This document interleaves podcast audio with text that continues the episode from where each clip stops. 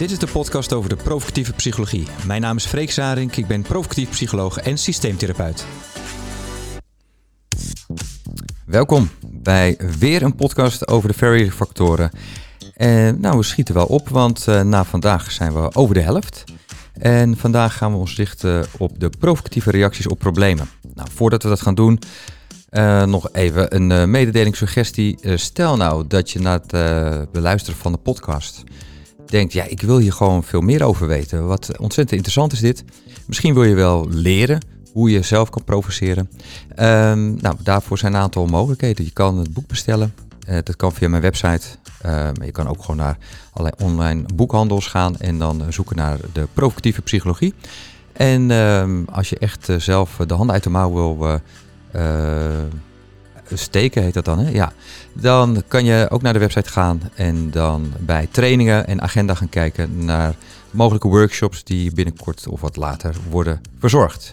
Nou, dat gezegd hebbende gaan we naar de provocatieve reacties op problemen. En eens even kijken hoor. We hebben er vandaag uh, negen. En uh, de eerste is luister alert naar patronen in de eerste zin. Ja, dat is, um, dat is een hele mooie, omdat je vaak ziet en hoort als mensen voor het eerst iets gaan zeggen, wat voor persoon ze zijn. Komen ze meteen uh, ja, te zaken? Zijn ze kernachtig? Uh, zijn ze twijfelachtig? Um, sommige mensen zijn heel bescheiden in hun uitdrukking. daar hoor je heel veel in. Dus nee, op mij bijvoorbeeld al, terwijl ik bedenk van, oh ja, hoe ga ik dit uitleggen? veel ummen. Mm, dus dan kan je wel denken, oh nou goed, dat is iemand die dus veel nadenkt over wat hij zegt. Het zou in ieder geval een hypothese kunnen zijn. Ja, je hebt ook wel eens van die types die zeggen, nou goed, ja, mijn probleem is dus, nou ja, eigenlijk heb ik niet zo'n probleem, maar vooral dat, en dan maakt niet uit wat ze zeggen, gewoon die energie en de kordaten, dat geeft ook al iets aan over een persoonlijkheid. Een cliënt die is heel stil is en dan heel zachtjes begint te praten, en dan hoor je natuurlijk iets in intonatie, een stukje non-verbale informatie, en vervolgens aangeeft, ja, nou ja, eigenlijk waar ik een beetje mee worstel is. Dus die maakt alles kleiner. En waarschijnlijk maakt ze zichzelf kleiner. Ze maakt haar probleem kleiner. Ze wil uh, misschien jou en andere mensen niet te veel tot last zijn. Dus dat geeft uh, vaak ook wel informatie over waar ze mee worstelt. Dus dat is uh, factor nummer 28. Luister alert naar patronen in de eerste zin. En van mijn collega Jeroen Stek heb ik ook een, variant op. Dit noemen we namelijk wel eens de eerste zinsdiagnostiek. En dan heb je ook de eerste ziensdiagnostiek. Nou, dat is behalve de manier van praten, behalve wat iemand zegt, kijk je ook naar uh, wat is de eerste indruk van iemand. Hoe ziet iemand eruit? Hoe presenteert iemand zich?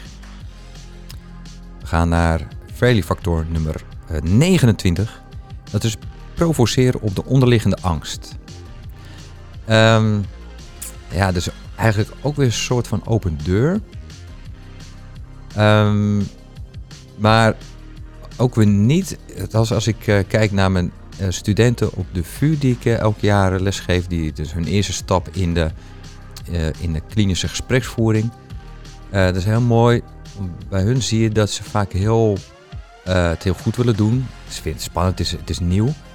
Um, en je ziet dat zij ergens de druk voelen, ervaren dat ze met hele slimme dingen op de proppen moet komen. En dat ze hele diepgravende analyses willen doen. En het is soms gewoon eigenlijk makkelijker, in ieder geval om te beginnen, uh, dat, je, dat je eigenlijk maar twee dingen onthoudt. Eén, wees nieuwsgierig naar wat de cliënt te vertellen heeft. Dus maak je het zelf niet te moeilijk, leg jezelf niet veel druk op, wees gewoon nieuwsgierig.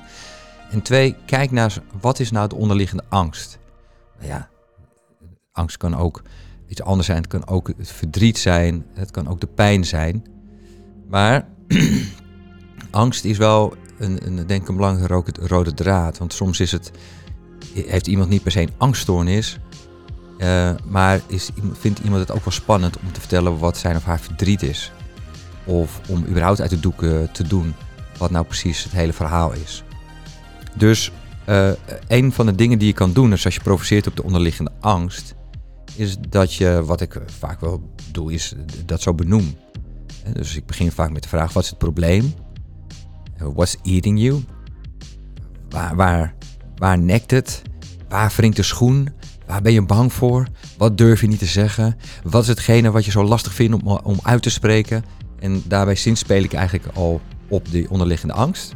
dus dat is één manier uh, hoe je daar iets mee kan doen. Het tweede is dat je voor jezelf, uh, terwijl de cliënt aan het praten is, terwijl je aan het provoceren bent, dat je hypothese vormt over wat is nou degene, wat is nou hetgene waar de cliënt bang voor is. Gewoon die simpele vraag.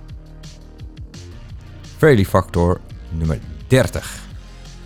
Verschuif de aandacht van buiten naar binnen.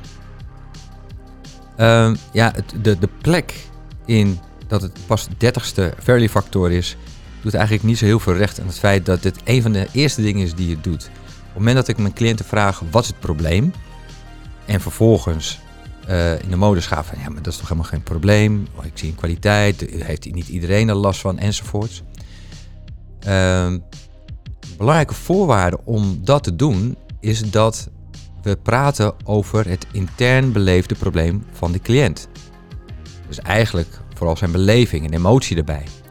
De meeste cliënten hebben een neiging om, of het nou uit een soort van bescherming is, een, een voorzichtigheid is, uh, of om je de context te willen vertellen, maar hebben een neiging om ja, het verhaal te vertellen. En Jantje en Pietje erbij te halen en toen gebeurde dit en toen, nou, hele verhalen. Alleen het vertellen van die verhalen, ja, daar schiet de cliënt verder niet zoveel mee op. Misschien heb je soms een beetje context nodig, maar waar je naartoe wil, is wat is jouw interne struggle? Waar zit voor jou de pijn? Wat is je angst? Dus wat we in provocatieve manier al heel snel doen, is in plaats van een kwartier luisteren naar het hele verhaal van de cliënt, is zeggen: Oké, maar goed, uh, nu na drie minuten aanhoren wat er allemaal voor leed uh, in je leven is, kunnen vaststellen: jou uh, blijft niks bespaard. Ja? Maar wat je probleem daar dan mee? En wat je dan doet, is dat je van de omstandigheden, van de aandacht naar de factoren buiten de cliënt, naar de belevingswereld, de interne belevingswereld van de cliënt gaan. Ja, dat is een hele belangrijke. Als je dat niet doet, dan is de kans dat je uh, vooral inzoomt bijvoorbeeld op de reactie van een ander en dat je gaat provoceren op die ander, hè, de partner van of de collega van de cliënt. En uh, ja, weet je, één, die zit er uh, misschien niet bij. Uh, ik als uh, gezins- en relatietherapeut heb natuurlijk altijd vaak te maken met dat een partner bijvoorbeeld er wel bij is, of de kinderen. Um, maar als je één op één werkt en je gaat heel veel provoceren op wat een ander doet, dan kan het soms wel grappig zijn, misschien soms ook wel treffend zijn, maar het gaat niet over de cliënt zelf, niet over zijn of haar beleving. Dus het is belangrijk dat je dat steeds in de gaten houdt. Oké, we gaan door naar de volgende. En dat is dommetje spelen. Nummer 31, de Fairly Factor. Nummer 31, dommetje spelen. Nou ja, dat, dat is eigenlijk ook weer een van de manieren om ervoor te zorgen dat uh, die cliënt verantwoordelijk wordt om het jou helder te maken wat nou eigenlijk het probleem is, waar hij mee worstelt. Dus ook weer een manier om die verantwoordelijkheid te vergroten, de assertiviteit van de cliënt. En um, ja, het is voor een deel al het, het niet zien van het probleem. Uh, het platslaan als, ja, maar daar heeft iedereen toch last van. Dat is eigenlijk ook al een, een, een, stap in het dommetje spelen. Want wat je vervolgens kan doen is als een cliënt uh, jou blijft overtuigen van het feit dat hij een probleem heeft, dat je op een gegeven moment uh, een samenvatting geeft waarin je totaal de verkeerde conclusie trekt. dus waar het blijkt, nee, die, die psycholoog die snapt er helemaal niks van. Nou, wat betekent dat? Dat die cliënt alsnog moet uitleggen hoe het wel zit. En daarin zie je dat die cliënt ook weer kernachtiger vaak wordt, um, assertiever wordt. dus het dommetje spelen is ook een, uh, een, mooie manier om zelf niet zo hard te werken als, uh, als psycholoog of als maatschappelijk medewerker, uh, medewerker of wat dan ook. Um, kijk hoor, volgende fairly factor. Maar dat is toch prachtig? Nou goed, die, die hebben we natuurlijk al vaak eh, behandeld. Hè? In de, en dat is toch prachtig, dat is toch een fantastische matrix. En dat is, ehm, dat is eigenlijk de tweede stap naar het platslaan van het probleem. Om zo te ontkennen dat jij een probleem ziet eh, in, in wat je cliëntje vertelt. Uiteindelijk gaat de cliëntje toch overtuigen van nou, ik, ik, ik blijf erbij dat ik hier last van heb. En dan is de volgende stap dat je gaat kijken naar, maar, dat maar eigenlijk is de fantastische eigenschap die je hebt. Um, belangrijk van deze Fairly factor is de nadruk op dat het toch prachtig is, dat het fantastisch is. En het provocatief wordt natuurlijk vaak gezien als iets wat hard is, confrontatief is. Um, en dan, dan verdwijnt de humor of de zachtheid en de speelsheid, in ieder geval vanuit dat stereotype. Het, uh, hoewel het soms ook hard is, dat kan best wel eens voorkomen, is, is de teneur toch vooral dat je het steeds vanuit een soort positieve invalshoek bekijkt. Dus ook als iemand um, zichzelf een absolute nul vindt en jij ontkent dat niet, maar bevestigt dat, dan doe je dat vanuit de insteek. Ja, maar dat is toch fantastisch? Ik, ik, ik ken echt weinig mensen die zo weinig voorstellen als jij. Het is van een ongekende schoonheid. Het is een soort van pure nihilheid wat ik hier voor me heb. Dus het is een harde bevestiging van iemands eigen uh, waarde of negatieve zelfbeeld. Maar wel vanuit een positieve insteek. Verander er alsjeblieft niks aan. we hebben, we hebben altijd eikinstrumenten. we, we, hebben ergens in een loods of in een kluis ligt, ligt het, een, een, kilo. En dat is steeds het, het, het eikpunt voor alle weegschalen in de wereld. Um, en dat willen we zo puur mogelijk houden. Hè? Dat het over de jaren heen zo nauwkeurig mogelijk is. Hoe mooi is het wel niet dat jij hier zit en eigenlijk gewoon de, de pure nulpunt bent. We hebben ontdekt, dames en heren. Jij bent hem. Nou, ik vind het eigenlijk wel fantastisch. Dus dat is, dat is de hele kern van het provocatief werken. Um, ja, dat is hè, in principe als je het hebt over provocatieve therapie, is dat, maar dat is toch prachtig, ook een soort van open deur. Maar het belang daarvan kunnen we niet genoeg eh, benadrukken eigenlijk. Alright, de volgende is uh, nummer 33. Gewone mensen hebben daar misschien last van. Nou ja, dat is, dat is wel mooi. Op een gegeven moment gaat de cliëntje toch uh, overtuigen dat, dat het probleem echt een probleem is. En in plaats van steeds maar weer te ontkennen dat het een probleem is, uh, of benoemen hoe fantastisch het eigenlijk is, is een uh, variant dat je kan zeggen: ja, oké, ik snap wat je bedoelt, maar gewone mensen hebben daar toch last van, jij toch niet? En vervolgens ga je kijken vanuit de informatie hebt die uh, vanuit zijn of haar jeugd, vanuit de actuele situatie, misschien vanuit de bijnaam die je inmiddels verzonnen hebt en daarin prikkelende boodschap zitten over wat zijn probleem is, maar ook zijn kracht is. Ga je kijken, ja, maar De manier waarop jij dit doet. Nou, het voorbeeld wat ik net gaf over diegene met een laag uh, gevoel van eigenwaarde. En je zegt, ja, maar jij bent het absolute nulpunt. En dan kan je zeggen, oké, sommige mensen eh, ja, hebben daar dan last van. Gewone mensen hebben er last van dat ze dan uh, ja, niks zijn. In, in de aanwezigheid van anderen met name ook voelen hoe niks en nieuw ze zijn. Maar jij kan er toch met een, met een bepaalde trots rondlopen van... Oké, jullie zijn niks, maar ik ben het absolute nulpunt. Kijk mij nou eens. Oh, jullie zien me niet? Nee, maar dat klopt, want ik ben niks. Absoluut niks. dus uh, dat is ook weer een manier om, uh, nou eigenlijk een variant, om te blijven volharden in, in het, uh, maar niet, ja, de, de mantel der liefde uitreiken, omdat je toch ook zo sneu vindt voor je cliënt. Maar blijven uitdagen op een speelse manier. Nummer 34. Geef absurde oplossingen. En uh, die sluit aan bij nummer 35. Geef absurde verklaringen. Ja, die twee. Um, ja, we kunnen er niet onderuit dat, dat de meeste mensen die psychologie doen, of psychiatrie doen, of in maatschappelijk werk zitten, of welke vorm van hulpverlening dan ook. We zijn het niet begonnen uh, vanuit een soort van provocatieve uh, basisschool en vervolgens de hulpverlening in. We zijn meestal toch begonnen omdat we graag diegenen zijn die willen helpen.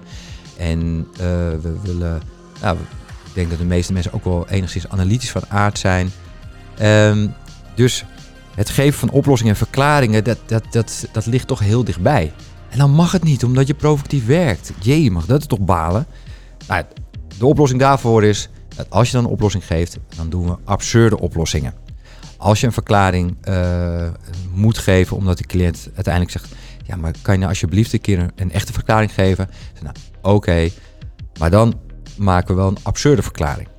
Um, ja, het gebeurt, het gebeurt wel wat vaker dat je bijvoorbeeld na twee, drie sessies lekker provocatief werken, dat die cliënt op een gegeven moment zegt, nou, nee, ik, ik, ik snap het wel, dat provoceren, ik snap ook wel waar je het doet. Het helpt ook wel hoor, echt wel, ja. Maar, nou, dan komt het verzoek dat je nu toch eens een keer echt zegt wat je denkt. Nou, en dat, is, dat kan soms wel, zeker als je net begint met provoceren, maar ik heb er soms ook nog wel last van hoor. Uh, kan er zo'n punt zijn dat je denkt, ja, nou, misschien moet ik nu toch vanwege het goede contact, wat ook zo belangrijk is in het provoceren, misschien moet ik nu toch maar toegeven en dan echt zeggen wat ik denk. Nou, je, ik zal je er niet om uh, veroordelen, doe het gewoon lekker. Maar wat is er leuker om dan na te denken over, ja, hoe, hoe kan dit nou toch zo ontstaan zijn? Hè? Je bent die, die absolute nulpunt. Uh, dat is eigenlijk gek dat dat dat, dat, uh, dat, dat de kosmos heeft, gezorgd dat dat een mens is. Want uiteindelijk verdwijn je weer. En dan, dan waar is dat nulpunt dan verdwenen? Het kan niet anders zijn dat ik moet even denken aan kijk, uh, Jomanda. Die is op een gegeven moment is zij natuurlijk in de problemen gekomen. Uh, ze had succes, maar ja, goed, ze is toch ten val gekomen. Zij was wel een soort van ja, mediator tussen uh, tussen de kosmos, het, het, het goddelijke, maar ook het absolute, denk ik. Uh, de absolute energie, de absolute waarde. En ons, de mensheid. En ik denk dat, dat doordat zij haar rol niet kon vervullen, dat alles gewoon een beetje in de war is geschopt. En door puur toeval uh, ben jij dan een soort van de uitverkorene geweest om die absolute nulpunt te zijn. Ja. Ja, ik denk dat moet daarmee te maken hebben. Nou, dus het slaat natuurlijk helemaal nergens op wat ik net zeg. Dus een cliënt die, die zal in het begin nog wel vanuit beleefdheid aanhoren wat ik aan het zeggen ben. Al snel denken, ja, wat, dit is toch een onzin.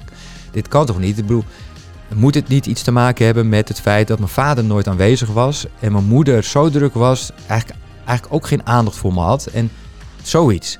Nou, en dan komt ze zelf al met een verklaring. Nou, een absurde oplossing is dan dat ik dan in dit geval zou zeggen, ja, dat kan wel, maar dat vind ik wel, ja, vind ik wel heel aards, jouw verklaring. Uh, nee, ik, ik, denk toch echt dat het te maken heeft met, met, met de kosmos. En ja, volgens mij, als je dan die oplossing die je zoekt, zit er dan denk ik toch in dat, je, ja, dat we misschien toch een medium moeten gaan inhuren. Um, ja, ik ga wel even googlen, weet je wel. Een alternatief voor Jamanda. Uh, goed medium graag nog uh, levend en actief. Nou ja, ook weer iets waar een cliënt totaal niks mee kan. En de neiging van de meeste cliënten is om dan ook zelf in na te denken over... Ja, misschien moet ik eens een keer het gesprek met mijn moeder aangaan. Want ja, ik heb het er nooit met haar over gehad en het, het doet me wel pijn. Of, uh, ja, goed, weet je, ik, ik merk dat, dat ik er wel voor mijn kinderen ben. En ja, maar ik ben zo altijd bezig met wat ik zelf gemist heb. Dat ik eigenlijk geen aandacht meer heb voor, ja, voor de tijd die ik met mijn kinderen heb. En, en de aandacht die zij mij geven en ik hun. En misschien moet ik gewoon wat meer genieten van wat er, wat er is. In plaats van bezig zijn met wat er niet was. Nou ja, dat is hè, het denkproces wat je probeert op gang te brengen. Alright, dan gaan we naar de allerlaatste categorie voor vandaag. En uh, dat zijn inhoudelijke reacties op basis van de psychiatrische diagnostiek. En uh, daar hebben we depressie, angst, verslaving, relationele problemen en psychosomatische klachten. Nou, dan heb je zo grosso modo toch al veel klachten uh, de revue kunnen laten passeren. Bijvoorbeeld nou, depressie. En uh, depressie daarin ja, kan je soms ook Um, somberheidsklachten die we horen bij een burn-out bijvoorbeeld scharen of een dystemestoornis, hè, dus die ergens anders vandaan komen. Maar bij een depressie, wat we dan uh, doen, is dat we uh, reageren vanuit het idee dat als je een depressie hebt, dat je lichaam aangeeft dat je rust nodig hebt. kan trouwens ook gewoon je, je, hoofd zijn. Het hoeft niet alleen je lichaam zijn, maar je hebt rust nodig. En ehm, het aardige is, wat ik net al zei, dat we soms de neiging hebben om over te analyseren en allerlei diepe, diepgaande betekenissen willen zoeken als cliënt, maar ook als behandelaar. En ja, wat we doen is, nee, je hebt rust nodig, punt. Wat is dan het probleem? Ja, uh, rust nodig. Ik wil nog van alles. En ik moet toch iets met mijn carrière. Of mijn kinderen die wachten op me. En dit, dat, dat, dat. dus dan kan een cliënt gaan reageren. Van, ja, maar dit is wel heel makkelijk gezegd. Maar uiteindelijk is de bottomline vaak wel dat wat de cliënt ook wil, alles in hem of haar geeft aan. Leuk, maar je hebt rust nodig. Dus geef daar nou maar gewoon aan toe. Nou, dat is een focus van waaruit je kan vertrekken. En elke keer uh, kan de cliënt zich toch proberen te verdedigen, uh, weer allerlei verklaringen zoeken. En in dat proces is de cliënt weer aan het werk en niet jij. En kan je altijd weer terugkomen op, ja, zie je nou wel, je hebt dus eigenlijk gewoon rust nodig. Nou, daar gaat de cliënt zich uiteindelijk tegen verzetten, dat is het idee. En hetzelfde geldt voor wanneer iemand te maken heeft met angst. Angst betekent dat veiligheid voor alles gaat. dat is natuurlijk een heel simpel iets. Als je, als je bang bent, dan ben je bang dat je uh, uh, pijn gaat lijden, iets gaat verliezen, doodgaat, iets heel ergs gaat gebeuren. Nou, dat willen we niet. Dus wat we wel willen is dat alles veilig is. Pijs en vree. Dat het goed komt. Um, dus wat we doen is uh, eigenlijk gewoon aangeven. Ja, maar luister nou gewoon naar die signalen uit je eigen lijf die aangeven: ga niet de straat op. Ga niet weg bij je huidige partner, werkgever, uh, vriendenclub. Hou alles bij het oude. Dan weet je wat je hebt, daar kan je op inspelen. En dat is veiliger dan gaan voor het onbekende. Nou, dat is ook weer een, een soort van ja, platslaan van de problematiek, waardoor de cliënt ook weer getriggerd wordt om zelf met argumenten te komen waarom het loslaten van die veiligheid uiteindelijk toch beter voor hem of haar is dan wel gaan voor die veiligheid. En daarmee eh, gaat hij eigenlijk ook tegen de angst in. Uh, de, neiging is natuurlijk vanuit veel um, behandelmethoden is dat we zeggen, ja, ga je angst aan. Door je angst aan te gaan, zal je merken dat de, de spanningsklachten uh, verdwijnen. Hè, door bepaalde protocol te volgen, bepaalde stappen te volgen. En dat je op die manier merkt, ook hoef niet meer bang te zijn. Nou, wat we nu doen is dat we het, het omdraaien en zeggen, nee, je moet juist wel bang zijn. bang zijn zorgt voor de veiligheid. En in het protest tegen ja, die behoefte aan veiligheid uh, gaat de cliënt zich eigenlijk verzetten tegen zijn of haar eigen angst. En als het goed is, komt hij op een gegeven moment ook op, op een moment dat hij denkt, nou, ik vind het belangrijker om, om toch maar gewoon uh, dingen te ondernemen, dan naar mijn angst te blijven luisteren. En van daaruit succeservaringen op te bouwen. Nou, die angst, die kan je natuurlijk ook weer terugzien. Hè, iemand die psychotische klachten heeft. Uh, ja, dat is natuurlijk heel specifiek, maar dat ontstaat vaak ook vanuit of een angstklacht of vanuit spanningsklachten. En uh, ja, dat is misschien ook weer overgesimplificeerd. Maar die schaar ik vaak ook onder angst. Um, en dat, doet niet uh, per se waarheid aan, aan uh, de daadwerkelijke oorsprong enzovoorts. Maar het is ook wel weer een, een methode waarbij je terug kan komen naar hou het simpel en laat de cliënt werken. Uh, dan komen we bij verslaving. Nou, verslaving is een van de lastigste problemen die je voorgeschoten kan krijgen als behandelaar. De kans dat iemand echt van zijn verslaving afkomt is kleiner dan de gemiddelde cliënt die last heeft van uh, somberheidsklachten. Um, dus het is iets waar uh, sommige, uh, nou niet alleen cliënten, maar ook, ook behandelaren zich een beetje op een stuk bijten. Um, vanuit de provocatieve zienswijze gaan we natuurlijk ook hier ons niet verzetten tegen de verslaving, maar zien we het alleen maar als een heel goed signaal. In dit geval dat verslaving betekent dat, dat je uh, gevoel voor passie hebt. Dat passie goed is.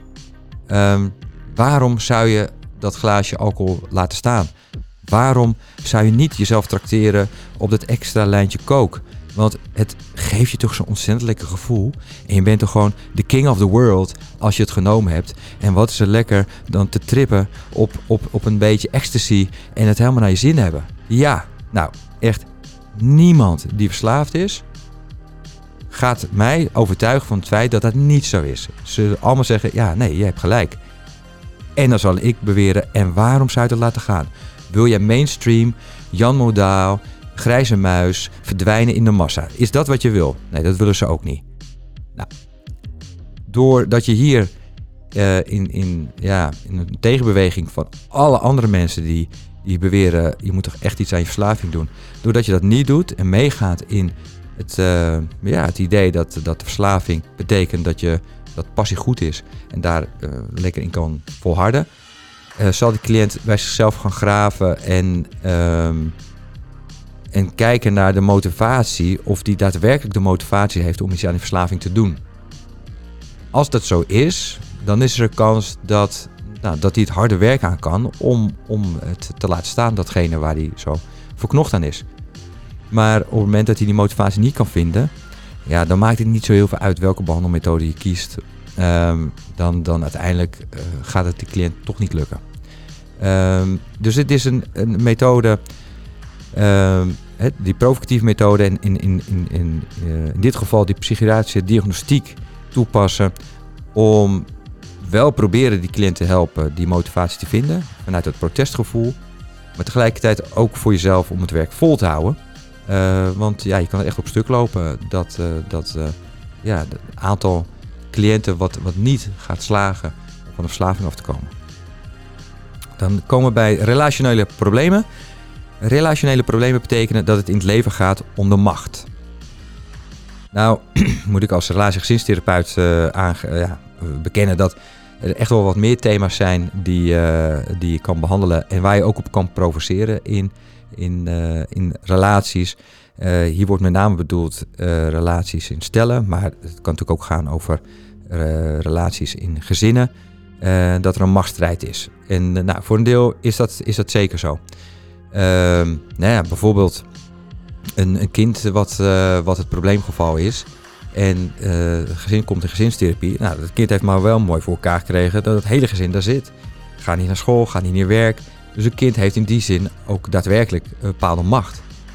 Um, in, in een liefdesrelatie, ja, weet je, dan gaat het in het begin natuurlijk hartstikke uh, makkelijk als het goed is.